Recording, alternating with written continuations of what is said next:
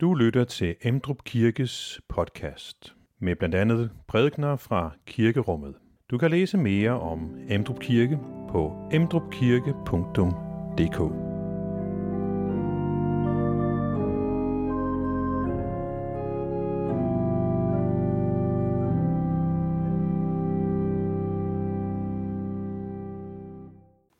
Glædelig pinse, og øh, velkommen til gudstjeneste. I dag er det en fælles gudstjeneste med den danske og pakistanske menighed i Emdrup Kirke, som vi også kan se.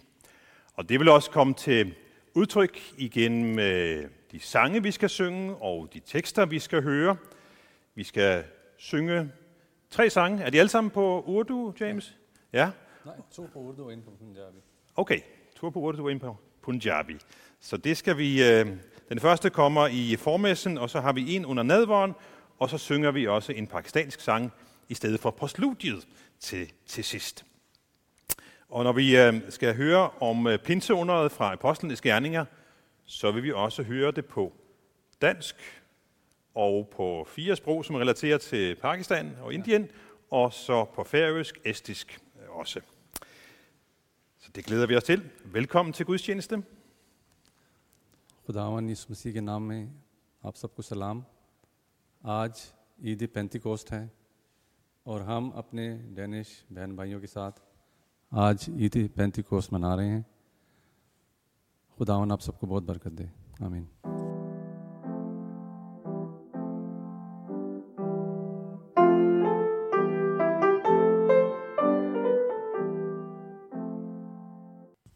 Det hellige evangelium skriver evangelisten Johannes. Judas, ikke Iskariot, sagde til Jesus, Herre, hvordan kan det være, at du vil give dig til kende for os, men ikke for verden? Jesus svarede ham, Den, der elsker mig, vil holde fast ved mit ord, og min far vil elske ham, og vi skal komme til ham og tage bolig hos ham. Den, der ikke elsker mig, holder ikke fast ved mine ord. Og de ord, I hører, er ikke mit, men faderens, som har sendt mig. Sådan har jeg talt til jer, mens jeg endnu var hos jer. Men talsmanden, Helligånden, som faderen vil sende i mit navn, han skal lære jer alt og minde jer om alt, hvad jeg har sagt.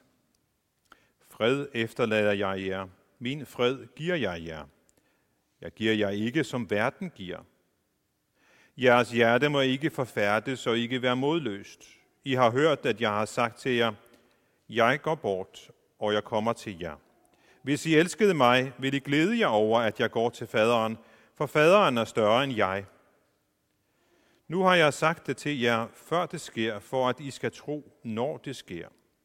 Jeg skal ikke tale meget mere med jer mere, for verdens fyrste kommer, og mig kan han intet gøre men det sker for, at verden skal forstå, at jeg elsker faderen og gør sådan, som faderen har påbudt mig. Rejs jer, lad os gå herfra. Amen.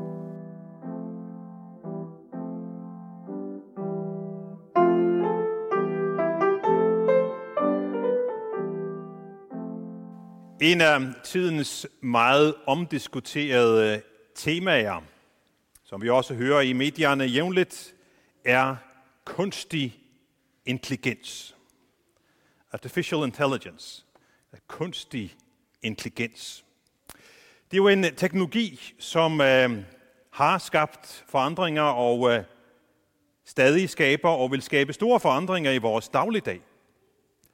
Det med kunstig intelligens er noget, man begyndte at tale om under 2. verdenskrig, og i 1956 blev ordet for første gang brugt. Og definitionen er, at man kan lave en maskine, et system, som kan tænke og udføre opgaver, som normalt kræver menneskelig intelligens. Altså, at man kan lave systemer, som kan efterligne, lade som om, efterligne et eller flere aspekter ved den menneskelige intelligens. Forskerne inden for det her område, de er uenige nogle af dem, de sværger til det, der hedder stærk kunstig intelligens, og nogen siger svag. Og dem, der tænker, det vil udvikle sig i retning af stærk intelligens, de tænker på et tidspunkt, så når vi så langt, at vi gennem computer og andre systemer kan, om man så må sige, kopiere alt i, den, i det menneskelige intellekt.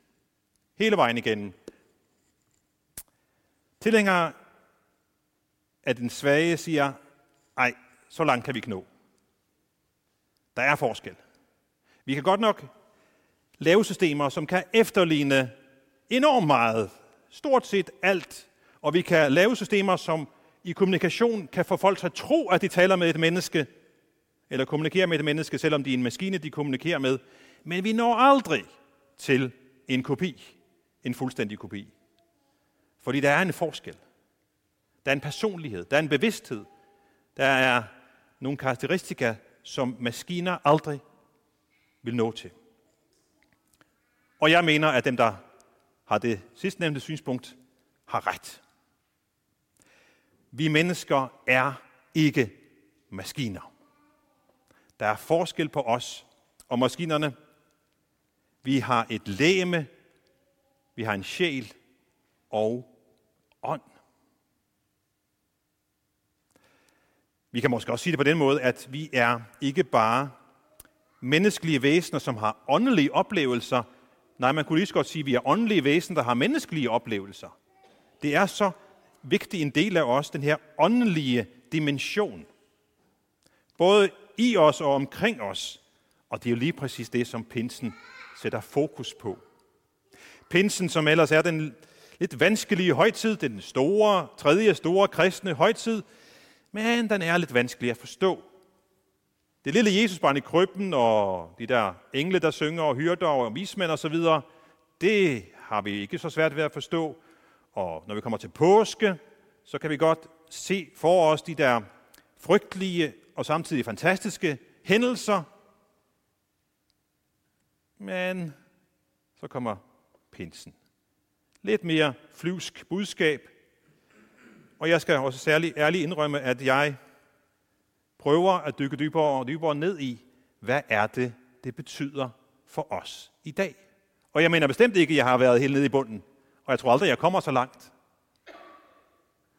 Og jeg tænker også, at øh, Guds rige er et stort rige med mange forskellige kirker, og må ikke der er nogle kirker, der har lidt bedre fat i noget af det med Helligånden, end vi måske har er kommet til endnu. Det må vi være ydmyge og erkende.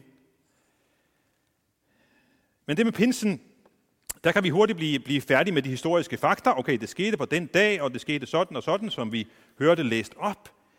Men hvad betyder det for os i dag? Hvilken indflydelse har det på vores liv i dag? Det, der skete for cirka 2.000 år siden. Jo, vi kan i hvert fald starte med at svare.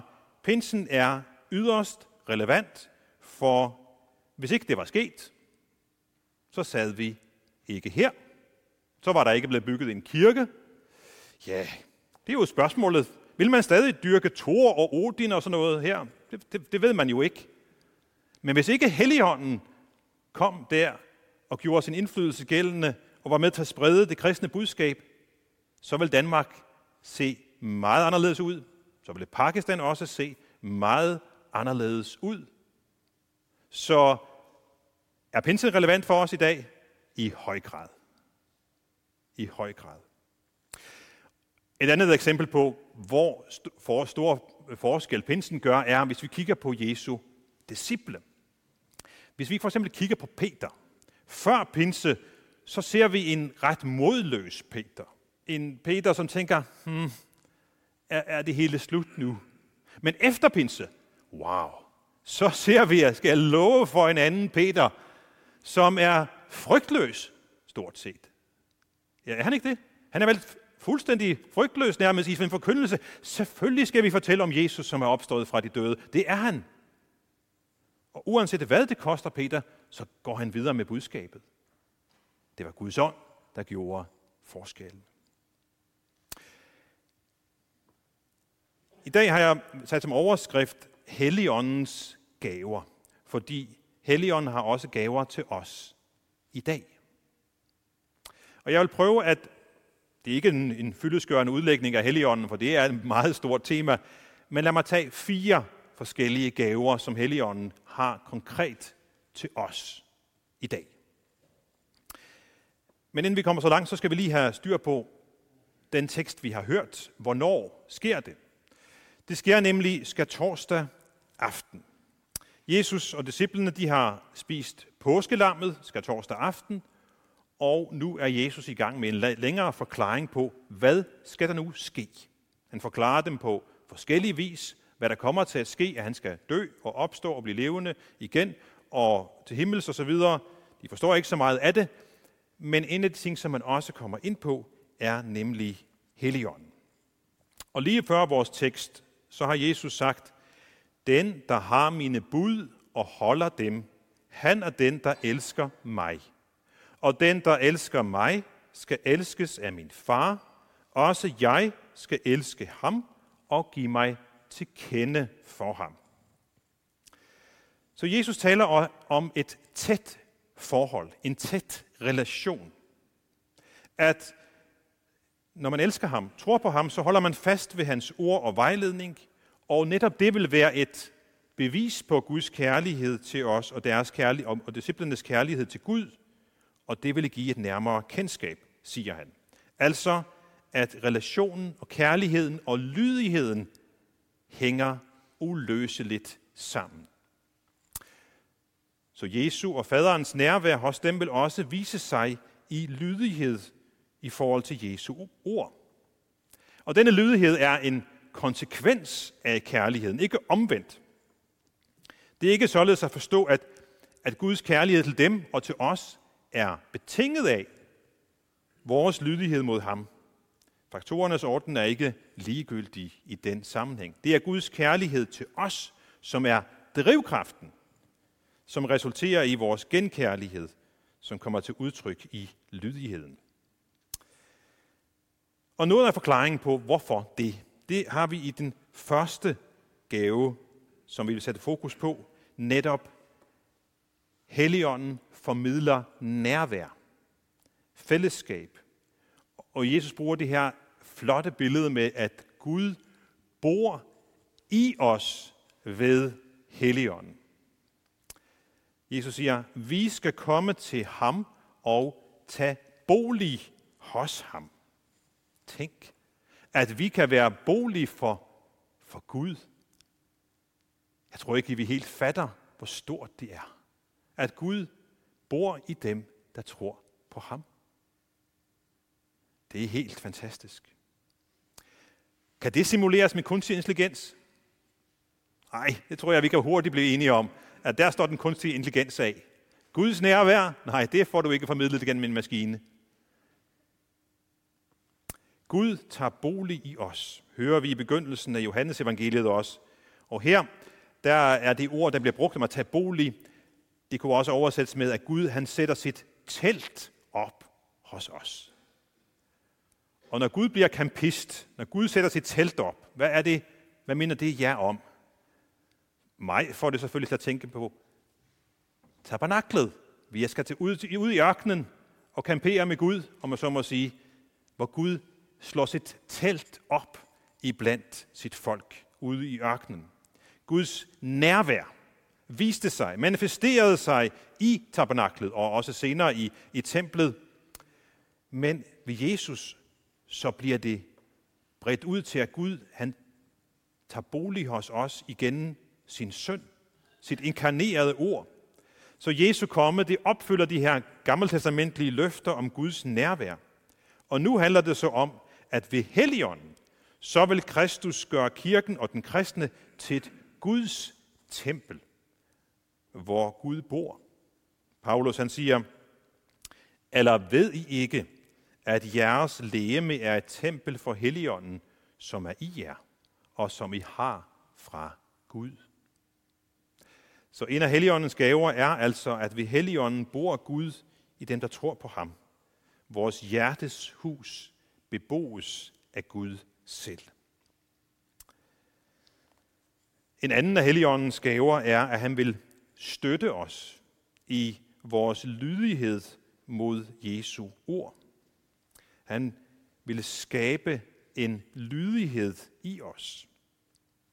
At være lydig mod Jesu ord, det er jo ikke bare at følge hans konkrete vejledning, for Jesus han øh, sidestiller jo sin egen undervisning med faderens vilje. Og derfor kommer kærligheden til Jesus til udtryk gennem lydighed mod Guds vilje i hele Guds ord. Den, der elsker mig, siger Jesus, vil holde fast ved mit ord. Men hvad betyder det, at holde fast ved Jesu ord? Jo, for at holde fast ved Jesu ord, så må man, så må man starte et sted. Og det er at høre Guds ord, at lytte til Guds ord, at læse i Guds ord, at gå derhen, hvor Guds ord lyder, og ikke have så travlt med alt muligt andet, så at vi ikke har tid til at høre hans ord. Men det betyder også at huske hans ord. Hjemme hos os så er der tre børn, som er i gang med at læse op til eksamen i øjeblikket. Og når man læser op til eksamen, så handler det om at huske. Man har haft noget undervisning i løbet af året, har hørt tingene, og nu skal man repetere dem, og få dem til at sidde fast, og få ligesom forståelsen til at gå op i en højere enhed. Sådan er det lidt også med, med Guds ord. At vi ikke lader det gå ind af det ene øre, og så ud af det andet øre. Men at vi husker det. Arbejder med at huske det. Og det er ikke overflødet at sige og minde os om. For glemsomhed er måske i virkeligheden troens værste fjende. Vi har i det gamle testamente adskillige opfordringer til at huske og lære udenad, skrive på dørstolper osv., for netop at blive eksponeret for Guds ord hele tiden. Høre Guds ord og følge Guds ord. Og det, som Helligånden gør, er både at minde os om det, men også at skabe den her lydighed i os. Den tredje gave, vi skal fokusere på i dag, er at undervise. At formidle Jesu nærvær og formidle det, som Jesus har sagt.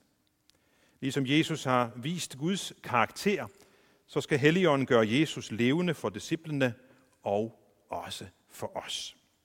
Helligånden skal instruere, minde os om, hvad Jesus har lært. Helligånden skal lægge os Jesu bud på sinde, og som nævnt også tilskynde til lydighed. Og det fjerde, som bliver nævnt, det står ikke præcis, at det er Helligånden, der skal gøre det, men jeg tænker, at det er ret tydeligt, at det er Helligånden, der bliver formidleren af det, nemlig den fred, Jesus vil give. Der er flere aspekter af den her fred, men det handler i bund og grund om fred i forholdet til Gud. Fred i forholdet til Gud. Fred i relationen til Gud. Og det kan også komme til udtryk i en mærkbar fred i vort indre liv, i vort hjerte. Denne fred er en unik fred, en overnaturlig, åndelig fred. En del af vores åndelige virkelighed, og ikke en fred, som verden giver, siger Jesus. Det er en fred, som er, som er født af, ud af en levende personlig relation til Jesus. Og den bliver uddybet gennem en stadig større overgivelse til hans nådige vejledning og ledelse. Og det er en fred, som Helligånden kan give, selvom omstændighederne omkring os ikke er fyldt med fred. Så Helligåndens gaver, for lige at samle op, som dagens evangelium peger på, er altså, at Gud formidler nærvær igennem Helligånden ved, at han bor i os. Gud skaber lydighed. Gud underviser og formidler også fred til os. Lidt forenklet sagt kan man sige, at der skal skabes det her fællesskab imellem os og Gud. Vi skal blive mindet om Guds ord og vilje, og vores liv skal komme til at ligne Jesus mere og mere. Lad os nu rejse os og i fællesskab med apostlene tilønske hver andre, hvor Herres Jesu Kristi nåde Guds kærlighed og Helligåndens fællesskab være med os alle. Amen. Find flere podcast og læs mere på emdrupkirke.dk